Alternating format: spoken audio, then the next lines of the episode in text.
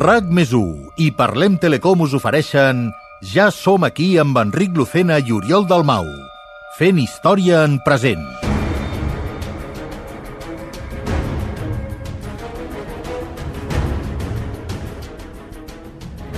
L'any 2009, el Laboratori de Física de CERN a Suïssa va crear la primera màquina del temps totalment funcional. El món va creure que aquella construcció immensa de 9.000 milions d'euros no era res més que un accelerador de partícules. 11 anys després havien aconseguit reduir la màquina fins a encabir-la dins d'una autocaravana camper. El 2020, per culpa del confinament mundial, tots els científics del CERN van tornar als seus països d'origen. Un d'ells, Oriol Dalmau, becari i català, davant la impossibilitat de pagar-se el bitllet de tornar de casa va agafar sense permís un vehicle de l'empresa. Una autocaravana camper amb les claus posades. Va sortir de Suïssa un dilluns i va arribar a casa dues setmanes abans. Acabava de realitzar, sense saber-ho, el primer viatge en el temps. L'Enric Lucena, periodista llicenciat en Història de l'Art, va ser l'únic que el va creure. I, de fet, l'únic que li va agafar el telèfon. Junts van prendre la decisió de viatjar pel temps per viure en primera persona esdeveniments històrics del passat. Els primers viatgers temporals de la història i per la història. Benvinguts a Ja som aquí.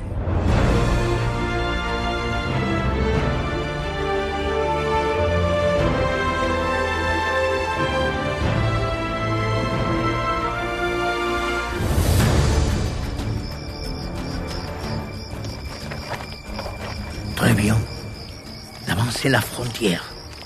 Ils ne nous ont pas vus. Nous essayerons de traverser sans être vus. Mais si nous sommes arrêtés, nous devons tirer. Què diu el gavatxo aquest? Eh, monsieur, que aquí gavatxos som tots. Diu que en els prismàtics ja veu la frontera, que intentarem saltar-la sense ser vistos, però si ens detenen, haurem de disparar. Ah, perfecte. I començar a matar guàrdies civils i anar-nos guanyant a pols el garrote vil, no? Molt bé, molt bé. Què t'estàs arrepentint?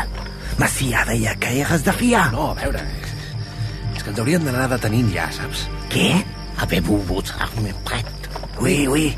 Pret, Oui, sí, oui. Diu que si tens les armes preparades. Ja, ja ho he entès. Bueno, és que no, no entenc per què no ens detenen. Haurien d'estar ja aquí, eh? Però què dius de tenir-nos? Estàs bé? Les couteaux. Si tirez, nous ferons beaucoup de bruit. Il est préférable d'attaquer les gardes par derrière et de trancher la gorge. On coupe rapide, d'un côté à l'autre du cou et de toutes vos forces. C'est clair? Oui, oui, oui, oui. Que millor el ganivet per no fer soroll. Intentem enxampar els guàrdies d'esquena. I talla el coll. De costat a costat. Ràpid i amb tota la força que puguis. Així el guàrdia no podrà cridar. Que ens detinguin ja. Que ens detinguin ja, sisplau. Que ens detinguin, ja sembla, jo t'ho demano. Que ens detinguin. Bé. Que ens detinguin. Comandant, no em pertanyerà un atac de pànic. Que ens detinguin. Chut Oh, salaud Merde Tu ne peux pas avec une amateur Que ens detinguin. Que, Hola Catalan Hola que ens detinguin, sisplau, que ens detinguin, que ens detinguin ja. Que Pourquoi Eh, silencieux No vous visez le catalan de merde Merde Gràcies, gràcies. Per fi, aquí, aquí. Tu comprends quelque chose? Je suppose que c'était un espion Un espia? Más bien un gilipollas. Gràcies, gràcies. Han tardado mucho, hòstia. Mas qu'est-ce que c'est qui arrive à ce cochon Mireu el que diu el diari. Informen d'un complot revolucionari en contra de la monarquia espanyola descoberta a les rodalies de Perpinyà. Segons Le Petit Parisien, la policia francesa ha detingut prop de 60 persones de nacionalitat espanyola i italiana de les suposades 400 que participen en l'acció i, segons això, són anarquistes. La gendarmeria ha trobat un arsenal de guerra i telèfons de camp, un vertader equip de mobilització. El comissari Balmier ha detingut el primer nucli de revolucionaris que estaven liderats per Josep Carrilló. Deu voler dir Carrió, l'escamot que vam enviar fa dos dies. L'Oriol Dels interrogatoris que el comissari Balmier ha dut a terme, explica que aquest personatge està a les ordres d'un coronel espanyol que es considera l'ànima del complot, el coronel Francesc Macià, antic diputat de les Corts. Collons amb el Carrió. Ho deu haver explicat tot aquest desgraciat. I què voleu? A saber què deuen haver fet amb ell. Hem de deixar-ho córrer, senyors. Cada vegada ho tenim més negre. Si en Carrió ha estat detingut i ho ha explicat tot, ara mateix dec ser l'home més buscat de tota Europa. Vinga, Macià, encara tenim una oportunitat. Ahir mateix vaig enviar dos telegrames, un a la secretaria de Boa Colombo per suspendre qualsevol enviament de voluntaris i material i l'altre a Barcelona, al Manuel González i Alba. He donat l'ordre de tancar la secció d'Estat català de Perpinyà i de buidar qualsevol material que pogués ser comprometedor. Així doncs, ho deixem córrer. Tanta feina per no res. No, no, no, no, no, però ara mateix no podem assegurar l'èxit de la missió. Més aviat asseguraríem el fracàs. Han entrat, han entrat, eh? Ja són aquí. A les armes! Hem de cobrir el coronel Macià. Que surti per la porta del darrere. Nosaltres et cobrirem amb la nostra vida. Enric, acompanya'l i amaga'l al lloc segur. Ràpid! Com? Què? Jo no em moc d'aquí. Francesc, Que no m'has sentit? Tirin les armes ara mateix, tots! Les armes al terra! Ja! tranquils, tranquils. Tireu-les armes. Feu-nos cas. Jo, jo no tinc arma, ho juro. Jo sí, i penso utilitzar-la. Francesc, què fas apuntant al cap? És la fi, Josep.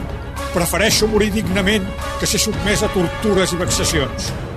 Senyor Macià, no estem a terra espanyola. Vostè està sent detingut a França. Aquí tenim drets civils des de 1789. Per sort per vostè, tindrà un judici just. Deixi anar aquesta pistola. Francesc, si us plau. Feu-li cas, senyor Macià, serà un judici just. Ho sé. Ho sap? No sé com ho fa, Enric, però allò que diu sembla que ho sàpiga del cert, tot i que no hagi passat encara. Molt bé, Mettez-lui les chaînes. A tu, ils sont détenus. Això no s'ha acabat. No, això no ha fet més que començar, creieu-me. El crec, Enric, amic meu, el crec. No et pensis que te'n sortiràs, eh? Parles massa. Hi vas o no hi vas? Hi vaig, hi vaig, clar que hi vaig. És més, pujo l'aposta. Dues cigarretes més i... ta ta ta -tan, un diari de fa tres setmanes. Un diari? Va vostè fort, eh? Això m'interessa. I hi vaig. I jo? Què tens, Oriol? Vas de farol, oi? Pues ja t'agradaria. Jo diria que portem vuit entre tots. Vuit? En sèrio? Mira, em sap greu, però t'hauràs d'aixugar el cul amb els pantalons una bona temporada perquè aquest diari és meu. Què? Jo dic sis. Un moment, un moment. No tan de pressa. Si tots dos pensen que jo en porto tres, és que vostès en porten dos cadascun. Jo dic set. Collons, Francesc, vols dir que no fas trampes? Trampes jo? Mai. Simplement tota la desgràcia que tinc com a militar se'm torna sort en el joc. On té el diari? Després te'l dono, quan s'acabi l'hora del pati. Deixa'm prendre el solet una mica, home. Després me'l dona? Segur? Espero que tingui paraula. No em faci com els de la URSS, que em van ben entabanar. per cert, ara que treus el tema, Francesc, com coi va anar això de la URSS? Que com va anar? Mira, explicat ara, des del pati d'una presó francesa, segurament sonarà tot molt surrealista. Però sí, un servidor de vostès va anar a demanar ajuda a la URSS amb un parell de nassos a l'octubre d'ara fa dos anys. Si és que el que no hagi fet jo per Catalunya no ho ha fet ningú. I anava amb un passaport francès a nom de Monsieur Maurice Morel, de 57 anys, de professió mecànic. Mecànic? Tu, mecànic? Té vostè les mans molt finetes per ser mecànic, home. M'ho diu vostè, que ha estat tota la vida treballant al camp, oi? Oriol, i si deixes d'interrompre, què tal, eh? Ja callo. Lo de la URSS no va anar tan malament, almenys al principi. Ens vam entrevistar amb personalitats soviètiques de màxima importància, com en Bukharin o el Zinoviev, que és el cap del govern, eh? Bé, no sé si encara ho és, en aquell moment ho era. Em van dir que en parlarien si ens donaven suport econòmic, que era el que jo havia demanat. Però fora de bones paraules, al final res. Vaja, al final va ser que no. Va ser que no. I pel que vam averiguar, per culpa del mateix Stalin, i no només ell, no ens va donar suport no sé si per manca de definició ideològica o perquè... perquè no ho sé, no ho sé, nois. Perquè no ho va veure clar, suposo. Després de la feinada que havia fet l'Andreu Nin perquè hi poguéssim anar, una llàstima. Entre naps i cols ens vam estar més d'un mes allà, però què voleu que us digui? Suposo que la URSS queda molt lluny de Catalunya. Jo ni sóc comunista ni tinc cara de ser-ho. No els vam acabar d'interessar. Quasi que millor, eh? Potser sí que haguessis envaït Catalunya, però t'imagines una Catalunya comunista i parlant rus, ara? No, tampoc era això. Necessitàvem aliats. De fet, aquest és el gran problema que hem tingut. Manca de voluntaris, manca de mitjans. Si hagués tingut un parell d'anys més, tres com a màxim. Fi del pati. Millor, millor, m'estava posant melancòlic. Cap al recompte, doncs. Oriol, el diari. Ara te'l porto a la cel·la, Francesc. I les cigarretes. No fumo, però em serviran per canviar. Sí, sí, ja hi pots comptar. Tot i que la teva jugada fotia una catipena trampes que tirava d'esquena, eh? Ah, la via. Vés-hi tu, que ara et sonarà paper de vàter amb el diari que et donaré, home. Oriol, Que sí, que compliré la meva paraula i li portaré, que sí. deixa't de paraules. Et vinc a parlar de l'operació Flying Free. Això què? Ah, el d'escapar-nos de la presó. Va, Calla, que ens sentiran. Xxt, que calli. Lucena, tu, tu que ets tan llest, ja podries haver pensat que si ens detenien i ens fotien a la presó ens traurien tot el que portàvem a sobre, màquina del temps inclosa, clar. No comencis. Vaig estar això de saltar el futur quan ens van detenir a la frontera. Però clar, ens havíem separat, el senyor estava a Ville Denis, t'hagués deixat tirat el 1926. Potser és el que hauria d'haver fet, eh? No podíem fotre pitjor, Lucena, és que no aprenem. És un risc calculat, Oriol. El pitjor que ens podia passar era que passéssim dos mesos a la presó, que és el temps que estarà Macià abans del judici. Així que tampoc ens la jugaven tant. I ja et dic jo que ens hi passarem força menys. Hey, Boutou, allô des comptes de suite. On vous finirez dans une cellule d'isolement. Ja vamos, ja no us hi va. Eh? Tira, tira, que aquests gavatxos tenen molt mala llet. Punt número 1. Ni punyetera gràcia passar dos mesos a una presó francesa de principis de segle. Que si m'haguessis dit des del principi que aquest era el teu pla, t'hagués engegat a la merda. I punt 2. Si màxim hem d'estar aquí dos mesos i ja portem mig, per què coi ens hem d'escapar? No té cap sentit. Ens hem d'escapar per anar al judici. Què? Per quin judici? El judici de Macià, home, té un gran valor històric, no ens el podem perdre. Estàs dient que ens escapem de la presó, no sé com, per després, en comptes de marxar cap a casa, que ja va tocant, infiltrar-nos al judici de Macià com si res. Exacte. Bueno, i pel mig hem de recuperar la màquina del temps, és clar. Però clar, i no vols muntar un parell d'unicorns abans, també? Tu has vist moltes pel·lícules de sèrie B, eh? Tinc un pla. El tema fugida de la presó ja està ben encaminat. I tu tranquil, que no farem un túnel com a cadena perpètua, Oriol. No, no, això, això t'ho asseguro jo que no. Ho he arreglat via... suborn. Si una cosa he après viatjant en el temps és que és una imprudència fer-ho sense pasta. Aquest cop vinc preparat. Tens calés? Aquest cop he vingut amb un rellotge d'or, Oriol, que el 1927 que estem és un autèntic tresor. Vaja. Només ha calgut parlar 5 minuts amb un funcionari per entendre'ns a la primera. Ni jo m'ho esperava tan fàcil. Els funcionaris francesos aquests no els ve d'un parell de revolucionaris. Ells només volen tenir en Macià. Però un funcionari qui? Ens deixaran sortir? Sortir i agafar les nostres coses. Hòstia. Sense la màquina del temps no podem marxar. El funcionari es diu Climent. És un que té un bigotis així, tipus Hitler. El que està sempre a la zona del menjador. Ah, sí. Hòstia, però sí que és un imbècil. Un imbècil i un corrupte, que és el que ens interessa. Ja. En un parell de dies tenim el dia de sortida. Faltarà un mes pel judici. Tot perfecte. Però, per cert, Lucena, un rellotge d'or, com l'has pogut ficar dins la presó? No te'l van requisar a l'entrada? O sigui, com, com, com ho has amagat, això? Això és el de menys. No fotis que... No n'has de fer res. No! No he tingut més opció. No! Què? Crits del cul! Com a Pulp Fiction! Vols callar? Mira tu, de Pulp Fiction em vaig treure la idea. Però- Lo important és que ja no el porto, ja el té el Climent dels nasos, per sort. Ens traurà d'aquí, que és el que importa. I bé, no saps quin descans he tingut quan li he donat l'or i he pogut seure sense patir. Joder! Però i com saps que el Climent aquest no ens la jugarà, tio? No ho farà, no ho farà. Li he dit que quan ens tregui i ens torni les nostres coses tindrà 2.000 dòlars més. Que no tens. Que no tinc. Bueno, mira dins del teu cul, que potser és com el tio que vas, vas traient pasta. Calla, calla. Aquests llençols s'haurien de plegar, Oriol. Ja vaig, ja vaig. Hòstia, amb la de presos que hi ha aquí, jo no entenc per què cada dos per tres acabem nosaltres a la bogaderia, tu. Per mi és un regal. Preferiríeu estar a la cel·la mirant el sostre. Jo clarament no. No, mira, netejant la merda dels altres tampoc, eh? Què vols que et digui, Francesc? Com es nota que no ha estat a l'exèrcit, Oriol? Escolta, com va ser la teva sortida de l'exèrcit? Vas dir que marxaves per les bones, així? No, és clar que no. L'exèrcit no és un lloc del que un pot marxar com si fos una cafeteria. Em van expulsar. En sèrio? Aquesta sí que és bona. Va ser per tot allò que va passar amb el cucut? Suposo que us sona. La veritat és que no. Però on coi heu estat els últims anys? Si t'ho dic, no t'ho creuries. La revista Cucut era una revista satírica catalanista. I dic era perquè el 1912, per desgràcia, van plegar. Doncs bé, el 25 de novembre de 1905, ho recordo com si fos ahir, la redacció de la revista va ser assaltada per 300 oficials militars. Per què? Per una caricatura. Sí, així se les gasten. Una caricatura d'en Joan Junceda. Una referència a la derrota colonial del 1898 de l'exèrcit espanyol. Vaja, ja us ho podeu imaginar, la revista se'n fotia que els espanyols portaven gairebé un segle sense conèixer la victòria. Allò que, per altra banda, és totalment cert. Potser per això va molestar tant.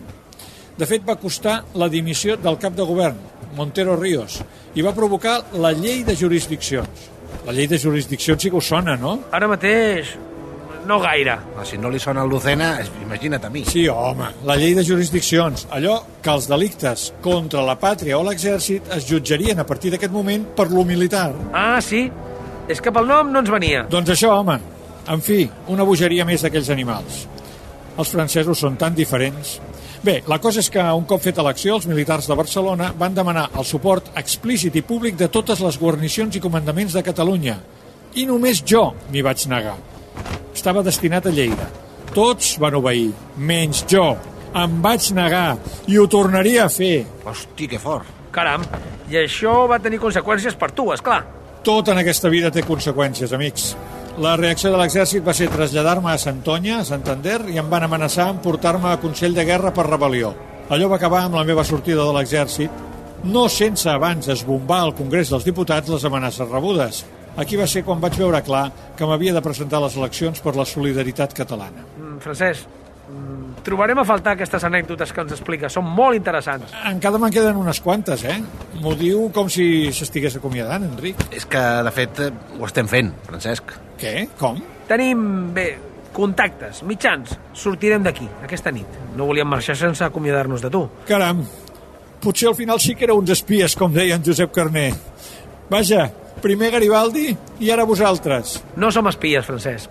No ho hem estat mai. Simplement, bé, no et podem donar més detalls. I creu-me que m'emboro de ganes. Simplement és que hem de marxar. Feu el que hagueu de fer.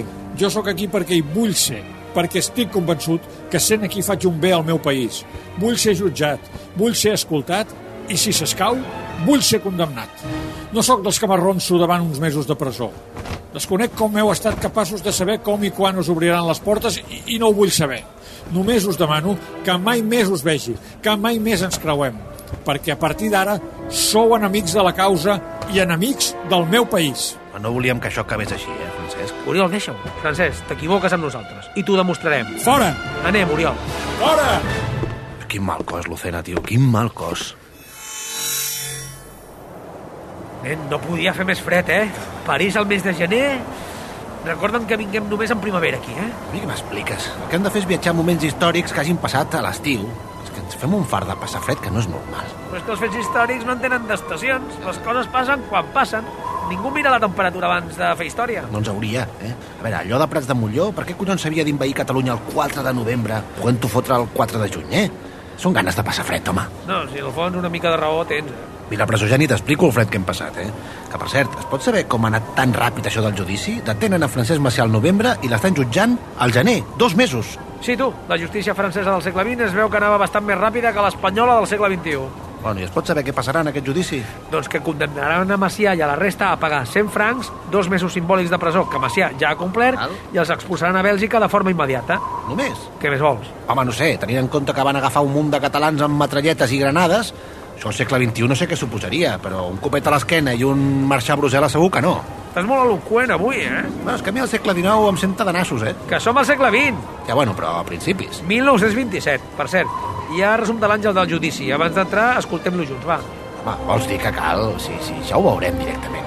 O resum o dossier. No, no, resum, resum. Però si és així. Doncs au, maco, ja saps el que has de fer. Posa't l'auricular de Parlem Telecom i fot-li canya. Val, a veure, aquí. Allà està. Resum. Si tot ha sortit com esperàvem, que amb vosaltres no passa gairebé mai, assistireu a la detenció i el judici de Francesc Macià i espero que no sigui des del banc dels acusats. En termes militars i polítics, el cop de mà va ser un fracàs, però en canvi el judici serà un èxit per a la difusió de la figura de Macià i el cas català per Europa.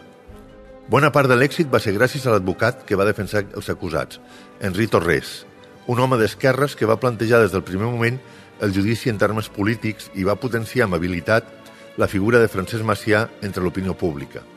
La poetesa francesa Anna Brancovan el va definir com el cavaller de l'ideal, inspirant-se la seva imatge una mica de Quixot, i algunes figures de primera fila de la intel·lectualitat francesa, com Paul Valéry, Viollet Griffin o Romain Roland, van fer un manifest de suport als acusats. Dels 111 detinguts que hi va haver, només 18 s'han assegut amb Macià, però en ella centrarà tota l'atenció del judici i en reconeix tota la responsabilitat de l'aixecament i es defensa en termes polítics. Els seus actes eren per la llibertat i contra el feixisme. En el judici van declarar a favor seu republicans espanyols totalment allunyats de l'independentisme com Enrique Ortega i Gasset, germà del famós filòsof, que d'aquesta manera reforçaven la imatge que es volia donar. El cop que s'havia pretès donar era una acció contra la dictadura i que anava més enllà de la causa catalana. Fins i tot va declarar a favor seu un impressor madrileny. De tota manera, una part important del judici es centrarà en la tèrbola figura de Ricciotti Garibaldi, net de l'heroi de la unificació italiana i que havia resultat ser un espia de Mussolini que havia actuat per deixar en evidència el govern francès davant la dictadura de Primo de Rivera i poder acusar París de donar suport a moviments criminals contra els països veïns. Per les simpaties que aixecava Macià, per la tèrbola intervenció italiana i les derivades internacionals, el tribunal demostrarà només començar que no té gaires ganes de condemnar-lo. I al final, la pena serà de dos mesos de presó, que ja havia fet, i una multa de 100 francs per tinença d'armes i explosius. Pels altres catalans, la pena seria la meitat, i per Garibaldi, la mateixa que per Macià. Ja està. Ja sé més del judici de Macià que el 90% de la població mundial adulta. Podem entrar a la sala del judici ja? Suposo. Però no ho sé, Oriol, tinc dubtes amb les disfresses. Creus que Macià ens reconeixerà? Si hi ha gent i estem a una certa distància, no crec. Ara, si ens veu de prop, no crec que aquestes ulleres, la gorra i el bigoti de merda que ens hem posat pugui evitar que reconegui els seus companys de presó preferits, eh? Doncs ja saps, a mantenir-se lluny del seu camp de visió i sempre envoltat de gent. Sí, sí. Tinc un dilema moral. Per una banda, no em vull perdre el judici per res del món, però per l'altra, si ens veu i fot una escena, podem acabar sortint als llibres d'història i no cal que et digui que això no pot passar. Val, val, doncs vinga, cap a dins, tu. Això sembla a Groenlàndia. No hi he estat mai. Aquí dins? A Groenlàndia? Bé, aquí dins tampoc. Bueno, sembla que no ens ha reconegut. Tampoc ha mirat cap aquí. Tu seu i calla. I ara què hem de fer? Vaya sardanes, tu què creus? Intentar passar desapercebuts. Sort que hi ha força gent. Jo, Henri Torré, em sento orgullós de defensar una figura tan important per la Catalunya com el senyor Francesc Macià. Un home noble que lluita per la llibertat del seu poble davant del feixisme que a dia d'avui impera a l'Espanya. El senyor Macià, en el passat, coronel de l'exèrcit espanyol i enginyer militar, és avui un home d'honor que només somia amb una Catalunya lliure i en pau, deslligada del feixisme que impera a l'Espanya. Aquest Henry Torres, que és la- la- l'advocat. Vaja, el que vindria a ser l'Andreu Ende de, de, de torn. Sí, exacte. Ho estic gravant tot això en àudio. L'Àngel fliparà.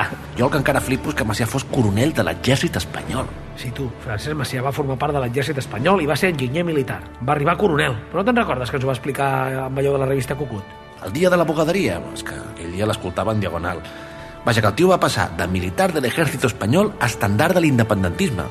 Jo des del dia que l'Arrimades es va casar amb un independentista que no veia un contrasentit igual, eh? Silenci a la sala! Estimat coronel Macià, el meu gran, noble i fervent amic, el dia que apareixeu quasi com un personatge mític, com un heroi escapat de les novel·les de cavalleries, es dirà de vos que veu ser l'expansió del més brillant i pur dels ideals. Gràcies a la defensa. Doncs quina merda de defensa, no? Sembla que estigui llegint tirant lo blanc. Bueno, ja has escoltat el resum de l'Àngel. L'advocat defensor molt d'èxit no tindrà avui. Tampoc ho tenia gens fàcil, eh? Que pensa que el Macià es declara culpable. Sí, sí, va xulo xulo mi pirulo.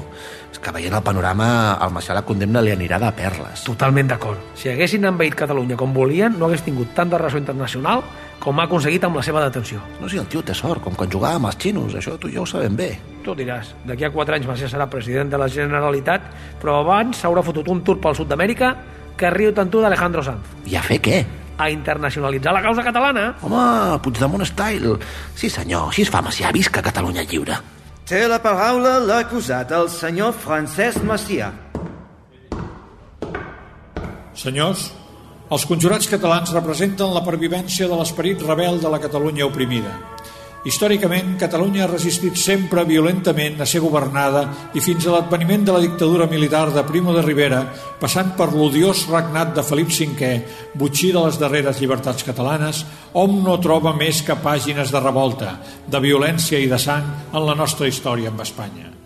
L'acció que preteníem dur a terme el passat mes de novembre es devia al desig d'assolir una república catalana independent, que sí, reconec que anàvem a implantar per la violència, ja que és aquest l'únic mitjà pel qual Espanya pot entrar en raó. De tot el que vam planificar n'assumeixo totes les conseqüències que se'n derivin en aquest judici i exculpo a la resta de col·laboradors i amics que m'acompanyaven. Som ciutadans d'un poble que ha estat lliure i que vol tornar a ser Volem una Catalunya lliure de disposar dels seus propis destins, que no impliquen un nacionalisme retrògrad ni un esperit exclusivista local. Volem la nostra independència nacional, però no dintre de l'esperit agressiu i d'odi que sempre ens han atribuït els ensegats governs espanyols. Sé que aquí, a França, el país de la llibertat, quan els espanyols es posicionaren al costat dels alemanys al llarg de la Gran Guerra, els catalans lluitaren al costat del poble francès contra els imperis absolutistes centrals. Avui, els catalans volem deslliurar la nostra pàtria catalana de la dominació espanyola que pesa sobre ella des del 1714. El nostre ideal democràtic i de llibertat no saber amb el de l'Espanya endarrerida, la qual durant la Guerra Mundial somiava amb la victòria dels enemics del dret i la justícia. La República Catalana seria el millor aliat de França. Una república catalana seria una guaita a la Mediterrània que batllaria contra qualsevol intent d'atac contra aquest poble francès estimat. Nosaltres volem una república catalana independent que sigui per vosaltres una Bèlgica pirinenca. Visca Catalunya! Ole, ole, Macià president. Eh? És que he desconnectat, perdona, eh? Quin rotllo té aquest home, no? Has desconnectat? Però si jo estic a punt de plorar de l'emoció, no sé per què coll et porto, Oriol. Perquè sense mi no tindries aquí fotre bronques, nen. Després d'haver escoltat a totes les parts, on el senyor Macià s'ha declarat culpable pels fets que se li atribueixen, condemno els acusats a dos mesos de presó, a pagar 100 francs i a l'exili com a apàtrides de forma immediata. Els acusats hauran d'abandonar territori francès en un termini de 24 hores. Cas tancat. Au, fotem el camp d'aquí, que ja ho tenim. Fotem la gent i sortim cagant llets. Pardon, s'il vous plaît, monsieur. Sí, sí, deixa passar. Eh, me deixé passar, eh? Tenim pressa. Hosti, merda, el bigote m'ha caigut. Espera que et tapo. Hòstia, Macià, que ve cap aquí. Què? No t'aixequis, queda't al terra, eh? Merda, m'ha vist. Ve directe. Sortim d'aquí. Ara, ara. Un moment! Ei, aquell home d'allà... Escolti, Enric! Oriol, vine, anem cap allà. Ets boig? O anem o ens arrisquem a tenir exactament l'escena que volíem evitar. Vine, coi! Enric, Oriol, què fan vostès aquí? Qui coi són vostès? Per qui treballen? No, no entenc res. A veure, just quan t'acaben de condemnar fa de mal explicar això, Francesc. De què dimonis aneu disfressats? Eh, Francesc, creu-me, si t'expliqués qui som i què hi fem, no entendria res. Som amics, sempre ho hem estat. Sabíem que aquest judici acabaria bé i, com veus, així ha estat. Estic confús. El teu exili a Bèlgica serà només al principi. Faràs història, Francesc. De moment som homes lliures. Exiliats, però lliures. Això sí, no pararé de treballar fins a poder tornar al meu país, Catalunya. Jo crec que en poc temps acaba vostè de president de Catalunya. Ah, quines coses de dir, eh? Jo, president de Catalunya, ni parlar-ne. Hem de treballar perquè Catalunya sigui una república lliure i independent, no pas per presidir un govern lligat a Primo de Rivera. Bé, els deixo que he de marxar a Bèlgica avui mateix. Tot i que són vostès tan misteriosos que qui sap, potser a Bèlgica em reben també vostès disfressats de tirolesos. No, no, som estranys, però tot té un límit. Ànims, avi. Avi? Un respecte, home. Brussel·les, ja sóc aquí. Això només és el principi, Ventura. Me n'alegro que estiguis tan optimista, Macià. Ho estic, ho estic. Crec que al final en traurem or del gran fracàs de Prats de Molló. Qui sap, ara el món ens mira. Doncs no diu pas cap tonteria, Macià. Millor anirien les coses pel nostre país. Ara el que ha de fer és recuperar-se de la mala vida que ha dut a la presó. Tenim reservada una pensió. No és cap palau, però segur que hi estarà còmode. I qui has dit que ens rep a l'estació? Jaume Mir. Com el reconeixerem? Ens reconeixerà ell a nosaltres. Perfecte. Senyor Macià! Sí? Sóc en Jaume Mir. És un honor tenir-lo a Brussel·les. L'honor és meu. M'han dit que coneix vostè la ciutat. Per força, sí. Acompanyi'm. Espero que el seu exili sigui breu. I jo? No sap el que se sent, noi.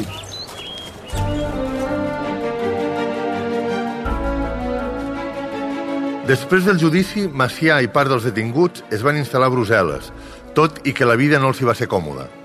El seu partit, Estat Català, havia estat pràcticament desarticulat per la dictadura de Primo de Rivera i, a més, alguns membres eren crítics amb Macià, així que ben aviat van fallar els recursos econòmics. Per reforçar la seva situació política i de recursos, el 1928, amb 68 anys de l'època, va viatjar per Amèrica Llatina visitant els centres catalans. Va estar, entre d'altres llocs, a Argentina, Cuba i Estats Units. Però aquest viatge no va servir per enfortir la seva posició dins de Catalunya.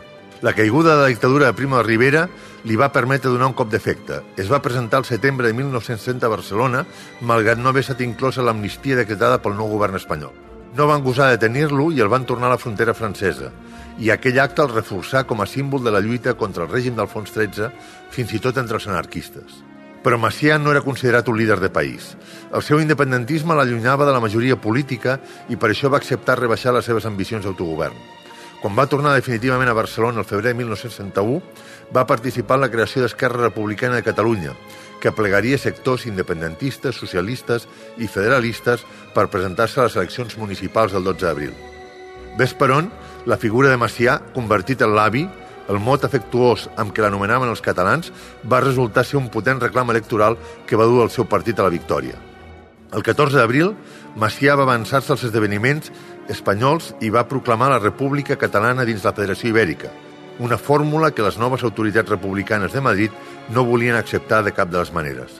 El dia 17, després d'una dura negociació i una dolorosa renúncia, aquella república esdevenia la Generalitat i s'obria el procés d'aprovació d'un Estatut d'Autonomia dins la nova legalitat republicana espanyola. Serà el president provisional de la Generalitat fins a la seva elecció definitiva el 14 de desembre de 1932 i morirà el dia de Nadal de 1933.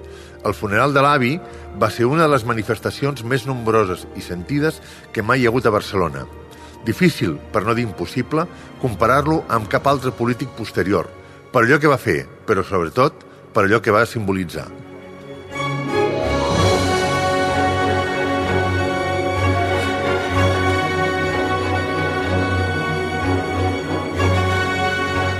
Parlem Telecom t'ha ofert Ja som aquí, un podcast de RAC més 1.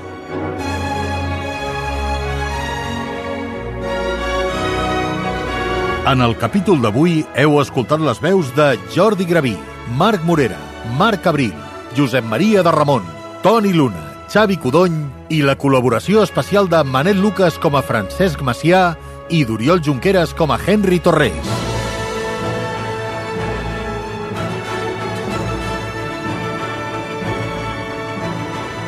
Ja som aquí és un podcast escrit per Enric Lucena i Oriol Dalmau, amb l'assessorament històric d'Àngel Casals, professor d'Història de la Universitat de Barcelona.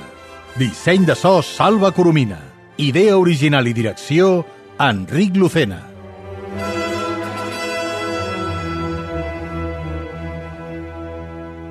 A Parlem fem el que fem perquè tenim un per què. Construir junts la millor teleoperadora de Catalunya per Catalunya. Per això t'oferim tots els serveis d'una gran companyia, al millor preu i en la teva llengua. Entra a parlem.com